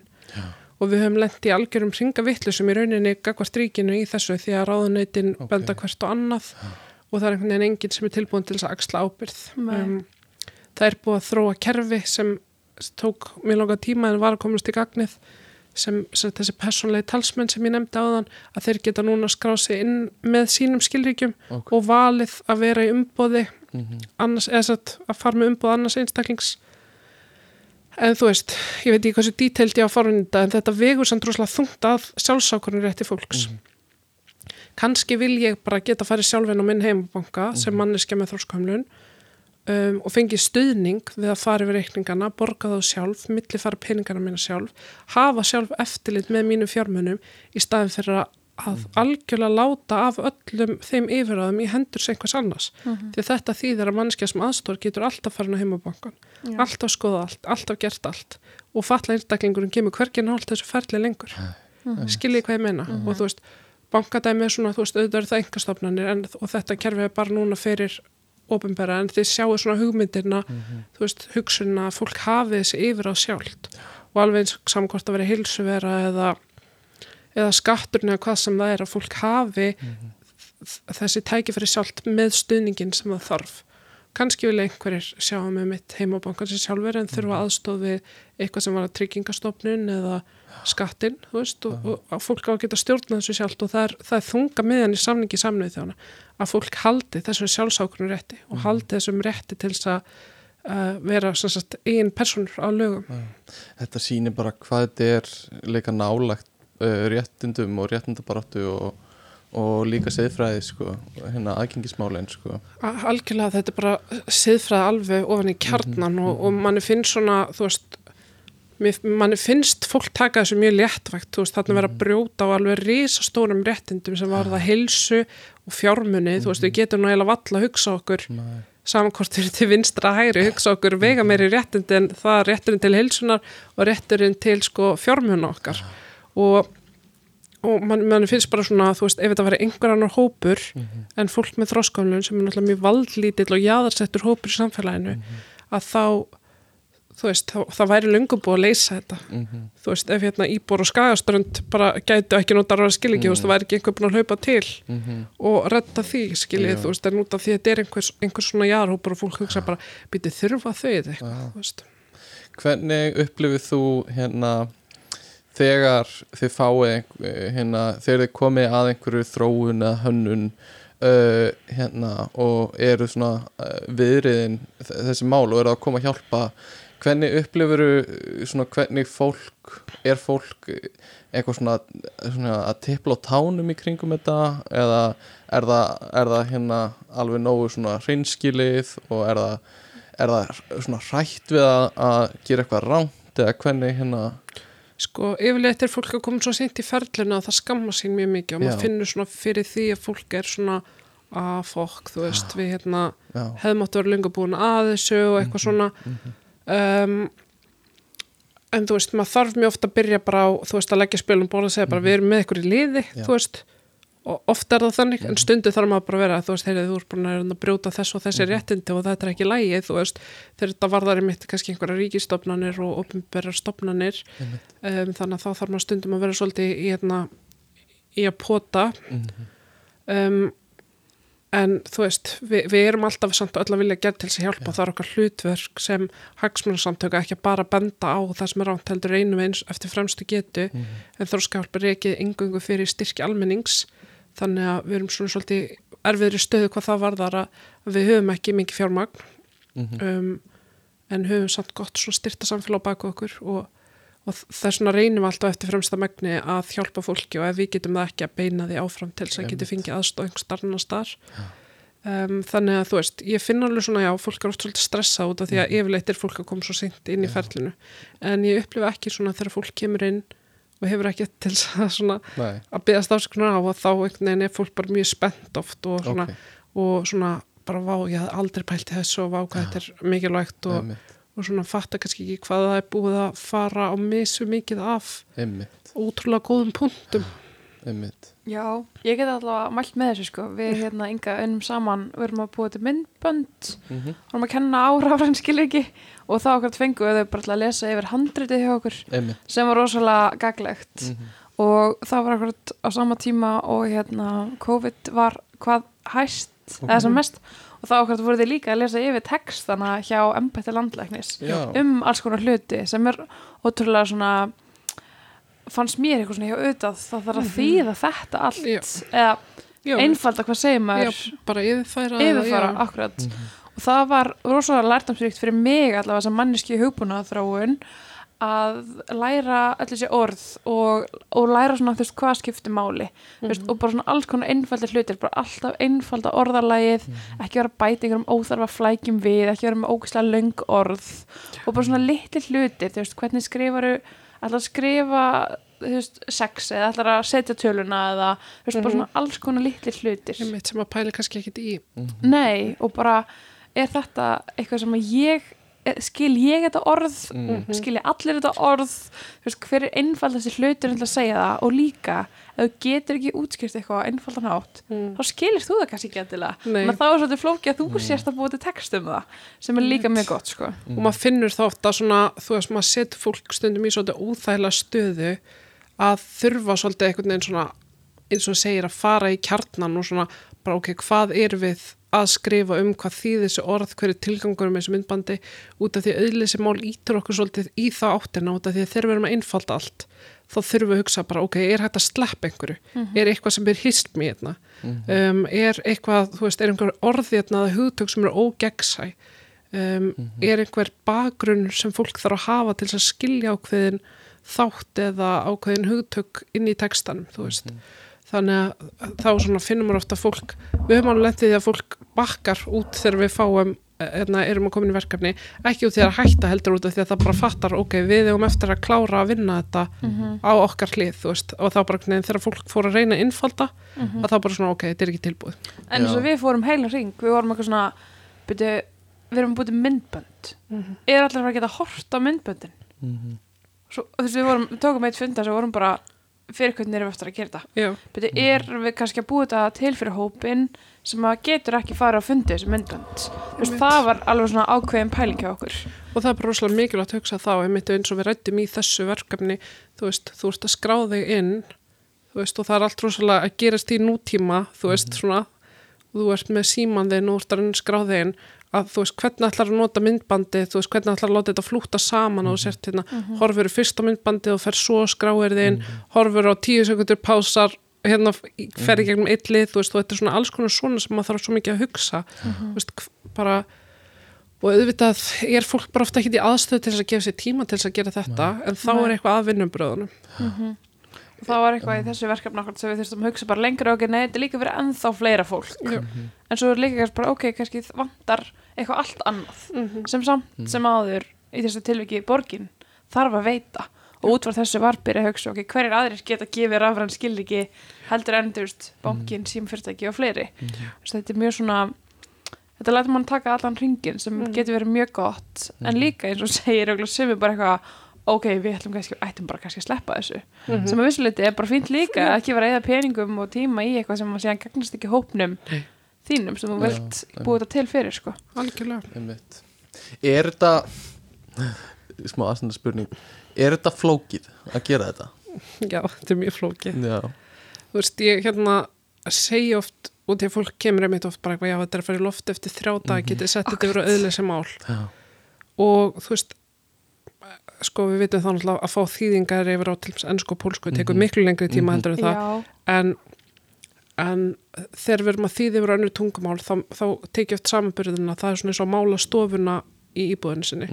En ef þú ert að setja yfir að auðlýsi mál þá þarf að rífa allt og gera það fókælt og byggja húsið þitt aftur sko. því að þú, veist, þú, þú þarf að fara alveg niður í bara örindir, bara hvað er ég að gera hv- þú veist, öll elementin í textanum í hvað setningar þú ertu með þú veist, hver er gerandin í setningunni. Þú veist, þú ert að fara í gegnum bara til þess að koma að þessu sem skýrast til skila þá þarft að fara svo rosalega langt en það þýðir ekki að þetta sé óeyfistíðalegt Nei. og það sem hún færð þegar þú ert búin að þessu er svo miklu, miklu betra pródakt heldur en það hefðir annars fengið. einmitt. og þá er betri nýting á því sem þú ert að gera og minni tímið fyrir það að veita fólki hérna ráðgjöfum hvernig það að nota dótið sem þú varst að búa til og þannig að þetta er, þetta er fjárfesting. Fyrir öll sko. mm og þetta Uh, gerir þetta líka oft svona fallegra að vera með svona stittra og ekki einu svona mikið svona yfirþyrmandi að lesa þetta.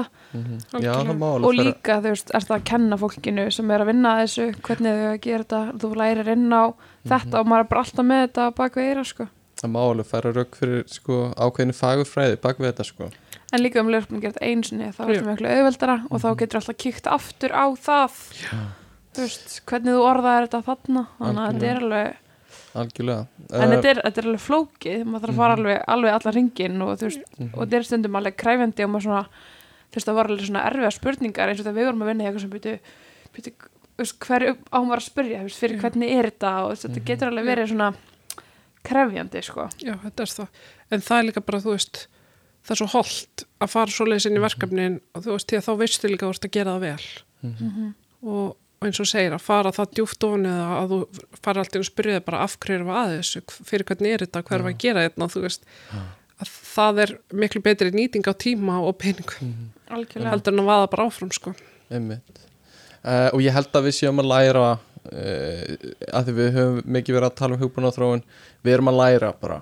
Og við, þetta er ferlið sem, sem er hugbúnaþróun er ung, ungur hérna og geiri uh, og hérna er bara að taka breytingum og er að læra sko. Uh, Algjörlega. en, en ef við færum okkur aðeins við erum búin að fara að tala svolítið mikið og, og hérna sem er bara frábært og fara út úr víðan völl eins og við segjum. En hérna, mér langaði að tala þessum svona hver staðan er í dag í aðgengismálum. Uh, og, og hérna þú veist, er eitthvað sem er að er, kannski fyrirtæki, stofnunir sem er að standa sig vel og svo ég veit ekki hvort að við, vil, við viljum kannski ekkert vera að skamma einhvern eða kalla einhvern út en kannski dæmi um eitthvað einhverja þjónustu sem gæti verið að standa sig betur uh, og ég veit að hérna sko heilbreyðis sviðið, e, þetta er rosalega mikilvægt þegar kemur að heilsu fólks og hérna heilsu vera þarf að vera aðgengileg í rauninu öllum og hérna fólk ætti, allir ætti að hafa eða öll ætti að hafa aðgang að því um, það getur verið bara flókið að panta tíma. Uh, að þú þarft að ringja þá hafa ekki allir færi á því. Um, það getur verið dýrt að- hérna koma með túlka. Að þú ert uh, að hérna talar ekki íslensku eða að þú ert heyrnaskertur eða heyrnalaus uh, er hjólastóla aðgengi að heilbreið stopnununum uh, það er bara er það á, á efsta hæð og það er kannski bílu lifta eða ekki lifta?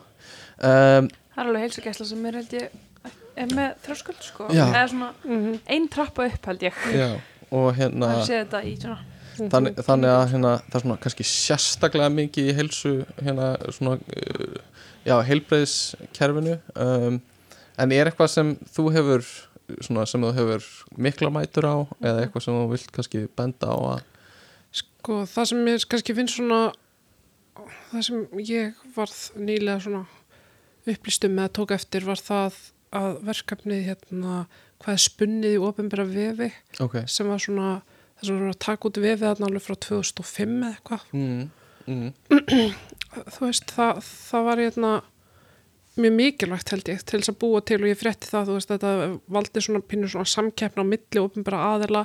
Og þetta var svona, já, fólk hafi svona fengið metna fyrir því að sinna aðgengismálum betur út af því að þú vildir ekki vera ofinbæra stopnin sem var að standa sig verst. Og það var mikið keppni hjá og svona mikið, hérna, svona rósi hnappagati fyrir fyrirtæki geta sagt hérna við vorum fimm efstu eða eitthvað slíkt og einmitt. svo árið, ég held að það verið 2017, það er allavega ekki svo langt síðan þá sagt, var það verkefni lagt niður og Stafrænt Ísland tók yfir þetta verkefni að fara að skanna Mhm. sk skanna ofinbæra vefi og svo þú veist árið setna voru þau búin að leggja það niður vegna uh, tímaskorts Ok. hjá, hjá eðna, þessu hérna, þessum ofinbæra aðila sem Stafrænt Ok. Ísland er og mér finnst þetta rosalega miður vegna þess að ég held að sé mjög mikilvægt veist, við erum ekki með góða staðla Nei. við erum ekki með hérna, handbækur, við erum ekki með löggjöf eða reglugerðir um, og þá er einhvern veginn svona þessi síðasti síðasta stóð sem var þó allavega einhvers konar svona pínu eftirlit og, og svona pepp þó það hefði ekki verið neina afleðingar eða neitt hérna, refsir eða dagsek, dagsektir. Þú veist að þá var það allavega einhvers svona pínu aðhald að svona hérna nú er verið að skanna og opinbera vefi. Og, og það var þessi svona velræðinu skönnun eins og nefndum áðan. Þannig að mér finnst það svona þú veist ég, hérna, ég geta kannski ekki sagt hverju standa sig eitthvað best eða vest Nei. en ég myndi segja til mér hjá, nýja vefurinn hjá Reykjavíkuborg að mörguleiti lofa mjög góðu og Ok. þú veist auðvitað er hann svona nýlegur og mér finnst þú veist þetta að tækja leita vel á móti manni og þurfur ekki að navigata í gegnum hérna banner sem er með veist, 15 undirflokkum og að reyna að finna það sem þú ert að leita að skiptir rosalega mjög máli og getur bara að skrifa hérna ferðaþjónust og fallara og fengið upp eða bara jafnvel, þú veist, að falla fólk hugsa líka um að- aðra hluti, svo bara leikskóla máli eða hérna sundlugar eða hvernig sem það er en það sem mér myndi finnast svo rosalega gott ef aðalar myndi bæta við hjá sér eru aðgengislýsingar fyrir bara alls konar hópa. Þú veist að, að fólk geti fengið bara upplýsingar bara hérna ok, þú veist með sundlugu kópói bara hv- hvaða hjálpatækir er búið hvernig er klefin, hvernig er hérna, lýsingin inn í klefanum hvernig er skín áreiti þú veist, er hérna líklegt að sé mikið af ösklandi börnum að hlaupa fram hjá klefanum, þú veist, er er hérna þú veist, er einhver ákveðin tími sem er, þú veist, ró, rólegra eða, þú veist, að, að reyna svona að gefa fólki eins miklu upplýsingar og hægt er um aðgengi til þess að tryggja það að fólk þurfi ekki að fara í þess að rannsónalegangur í hvert einasta skipti. Og þetta er líka snutt fyrir Facebook viðbyrði eða hvað sem er, bara það er hérna, það er lifta um, hérna inn á staðin, þetta er upp á fjóruða hæð um, þú veist, það verður hérna, þú veist, þetta er á venju sem er bar, þannig að það verða læti. Ok, um, eða þú veist, það er rými hérna inn á ráðstefninu það sem hættir að fara í hérna næði fyrir fólk sem er svona skinn til dæmis einhvert fólk að aðra sem er með svona skinn skinn örðuleika um, þú veist, að gefa fólki þessar upplýsingar er svo ótrúlega mikilvægt þannig að þú veist, út ég held að ófalla fólk geti ofta ekki skilið þá sko svona svakalega vinnu sem fer í þannan undirbúning, þú veist, bara já, hérna, vinkonum mín er að gefa út bók, þú veist, þá þarf ég að finna út bara hvar er það haldið, byrju, þessi staður er þarna, farin á Google Maps, skoða hérna Street View, hvernig fyrir utan er það líklegt að þetta sé, þú veist, nýlega mynd, um, þú veist, eða trappa inn, þar ég að koma lítið ramp með mér, ringja jafnvel, þú veist, kemst maður á klósetti þarna, mun ég líklega þurfa að fara á klósetti eða ekki, þú veist, er ég að fara beint úr vinnunni, hvernig er þetta, þú veist, er hjólastólastæði nálægt og, og þú veist, þannig að fólk er alltaf í þessar vinnu og þú veist, núna talaðu þetta bara útráði verið hjólastól, en allir hópar fallast fólks þurfa að gera svona. Þú veist, það er þetta er svakalega mikil vinna sem fyrir þetta, þannig að bara ef aðlar geta að létt undir þessu þú veist, út í þessu leiti mál að bara svona, og þetta hjálpa mann kannski líka bara svolítið til að setja sér í spór fólks. Einmitt. Og líka bara hérna að þá átt að segja á því bara já, býtu, erum við að halda viðburun okkur á aðgengilega staði ekki. Þegar enginn að segja að þurfi allir viðbur að vera aðgengilegir alltaf öllum undir öllum kringustæðum, heldur bara að það er rosalega gott að vita að þeir eru það ekki, Einmitt. því að þá þarf ég bara ekki að pæla í því meira. Akkurat. Um, já, nú er ég algjörlega ná dýreila og mann ekki um hvað við erum að tala. algjörlega, við vorum að tala um hérna eitthvað já, sem er jákvæmt og eitthvað sem er jákvæmt og neikvægt, já, akkurat og hérna, mér finnst líka Ísland.is lofa mjög góðu og Ok. þú veist, ég held að þetta verði alveg góður vefur en það er náttúrulega þetta með rafrænu skilíkin sem er bara rosalega þú veist, lætur það vera mjög erfitt fyrir mig persónulega og, og félagminni hjá þróskahjálp að vera, þú veist on board út af því við sjáum bara þú veist að það er ekki verið að leysa þetta með viðandi hætti. Einmitt. og þú veist við viljum auðvitað hafa aðgengi að öllu öllum ofinbyrjum kerfum. Og það er auðvitað frábært að hafa allt á sama stað. En mér er bara svona til dæmis með þessi stafrænum posthólf sem eru frábær fyrir flesta, þú veist bara ekki fá öll gögn frá hennu ofinbyrja á eitt stað. Um, en hvernig gerist þegar að allt í ennum að fara að stefna þér og byrta það þarna og þú hefur kannski ekki upplýsingar Já. þú kemst kannski ekki að inn. Einmitt. þannig að allt í ennu ertu kannski með hérna, hraðasekt og þú veist ekki af því út af því að það kemur inn á stafrana gátt sem þú hefur ekki aðgengi að og veist hefur ekki af henni út af því að þú hefur ekki tækifæri til þess að vita af henni út af stöðin í samfélaginu. Samkvort úr þarna getur verið sko fallumanneskja, flóttamaður, heimilslös einstaklingur og þú veist, svo allt í enn ertu bara komin hann með sagt og kannski kom með, hérna, þú átt að mæta fyrir þú veist, ég veit ekki hvernig ferðli er en þú veist, það eru dæmi um það að fólk hafi ekki vita af hraðasektum og bara beinlega sátt að færi fangelsi fyrir það út af því að þetta getur, þú veist, undið upp á sig.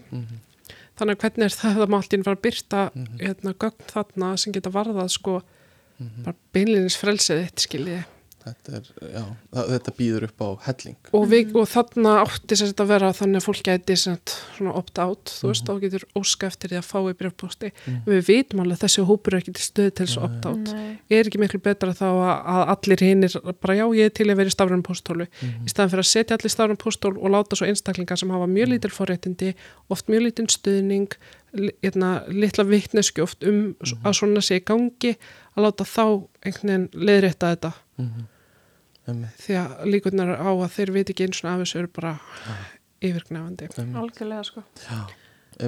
Þetta eru, þetta eru hérna eh, vonar góðu en það er margt sem þarf að huga já, bara svona svolítið, svolítið svona stór Já, svona dökkski á himni sko, sem varða bara svo rosalega stór réttindi. Þannig að meðan fyrir mér finnst bara svona út af því að þú veist fjármálráð þegar að nefndi á hérna einni ráðstefnunni um hérna tingjum ríkið að þú veist þetta væri svo frábært fyrir fólk þú veist sem væri kannski að bara byggja við sömbústaðin sinn og væri úti út á landi og þyrfti ekki að koma í bæinn til þess að sækja um byggingar Mhm. hérna leifi til þess að byggja við bústaðin sinn Mhm. og þú veist, þú varst að taka dæmi um það fyrir hvað þetta, þessi framþróð verið góð og bara já, algjörlega en þetta er ekki stóra málið á okkar mati, þú veist mm. Stafran framþróun á ekki að vera til þess að að lifta þessum hópi ennþá frekar sem, þú veist, hefur öll þessi forréttindi, heldur eigum að nota stafran framþróun til þess að auka uh, jöfnuð, auk, hérna, rétta hlut fatlas fólks og við erum ekki að sjá það og við erum meiri sér að sjá það fara aftur. Já. þannig að manni finnst svona svolítið súrtæknin ríkjar að leggja hérna miljardar í stafrana framþróun náttúrulega meðal annars til þess að spara sér fjármunni en líka til þess að auka þjónustu við almenning. En við hvernig er verið að auka þjónustuna? Það er bara, þú veist, auðvitað er þetta frábært. Ég er ekki að segja það og almenningu græðir á svo stafrana framþróun en það er mjög súrt að sá það þegar það ítir föllu fólki kannski mörg ára aftur í tíman uh, svona síðasta sem mér langaði að ræða uh, er bara beint kannski í framhaldi af þessu er sko og við höfum aðeins rætta og snert á því en hvað er best að gera til þess að stuðla að frekari þróun í aðgengi uh, og þú talaðir um að festa það í lög uh, og, og í fyrsta lagi líka bara fest í lög þennan réttindasáttbóla sem þú varst að tala um áðan að hérna væri hva, hvað sagður að hann væri hann er fullgildur, Fullgildur. en ekki lögfæstur einmitt. Um, þannig að, að það er ein leið. Svo er hérna hægt að nota kvata og ég ætla bara að fá ég ætla að telja upp nokkra leiðir sem mér dætt í hug og bara fá svona skoðanir hjá þér. Uh, já, nota lög að, fá fyrirtæki og, og stofnarnir til að, hérna, bregðast við sem einhvers konar kvötum uh, peningalögum kvötum eða, eða félagslegum kvötum fyrir stofnarnir um, að hérna þurfa ríkistofnanir að vera fyrst til að gera þetta til að leggja einhverju línur fyrir, fyrir hérna að, aðra og hérna uh, já og já eh, ok, já, byrjum kannski bara þar sorry, hérna, ég hérna fór kannski aðeins frá mér. Er, er, hérna, er einhver skoðunir á þessu sem það hefur? Sko, ég held að mitt lögureglugerðir uh, séu þú veist langsterkasta vopnið og helst myndum að vilja sjá eins og í Breitlandi það sem væri bara svolítið stóra sektir ef það verið að svíkjast um. mm Það er ólíklegt á okkar litla landi en, já, en þú veist, það, það, það er líka svona þú veist að taka fatta fólk undir hérna samfélagslega ábyrð mm þú veist maður sér þetta svolítið mikið í banka og fjármálastofnunar hérna með hins egin fjölskyldur í auglýsingum Mm, og einhvern veginn mm. að reyna að taka þátt í loftslagsbaróttunni og svona. Mhm. að þú veist að taka fatla fólk undir þetta samfélagsábyrðina og þú veist, ég myndi bara segja, ég myndi allir sem er að hlusta á þetta og gegn einhverjum hlutverkum í sinu fyrirtækjum og þeim stofnum sem þeir vinna að, að taka svolítið persónlega ábyrð, ég held að það sé líka svolítið þú veist að við öll erum kannski meðvitið um einmitt eins og hins heim baróttuna, flóttamannamálin umhverfsmálin, þú veist að, að láta bara fatla fólk okkur varða því að mér hefur fundið svona, svolítið eins og almenningu sé bara svona já, þetta kemur ekki við, þetta er hópur sem bara svona, þú veist er bara hvernig já, er ekki bara eðlögt þau búa stopnunum og er ekki bara eðlögt þau séu bara heim allan daginn, þurfa þau eitthvað að fara í skóla? Þú veist, skiptir einhver máli þó þau get ekki kift íbúð og skrá sig inn á heilsuveri þú veist, það er svona, minnst þetta að vera svona pínu væpið sem ég fæ oft frá almenningi sem er ekki að pæla mikið í þessu.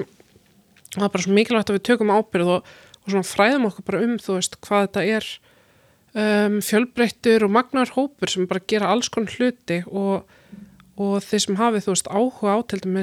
bara mannréttindamálum yfir höfuð að fylgja fólki á Instagram og samfélagsmiðlum þú veist, sem er falla fólk falla fólk í tækningerunum uh, alls konar áhrifavaldar sem er að gera.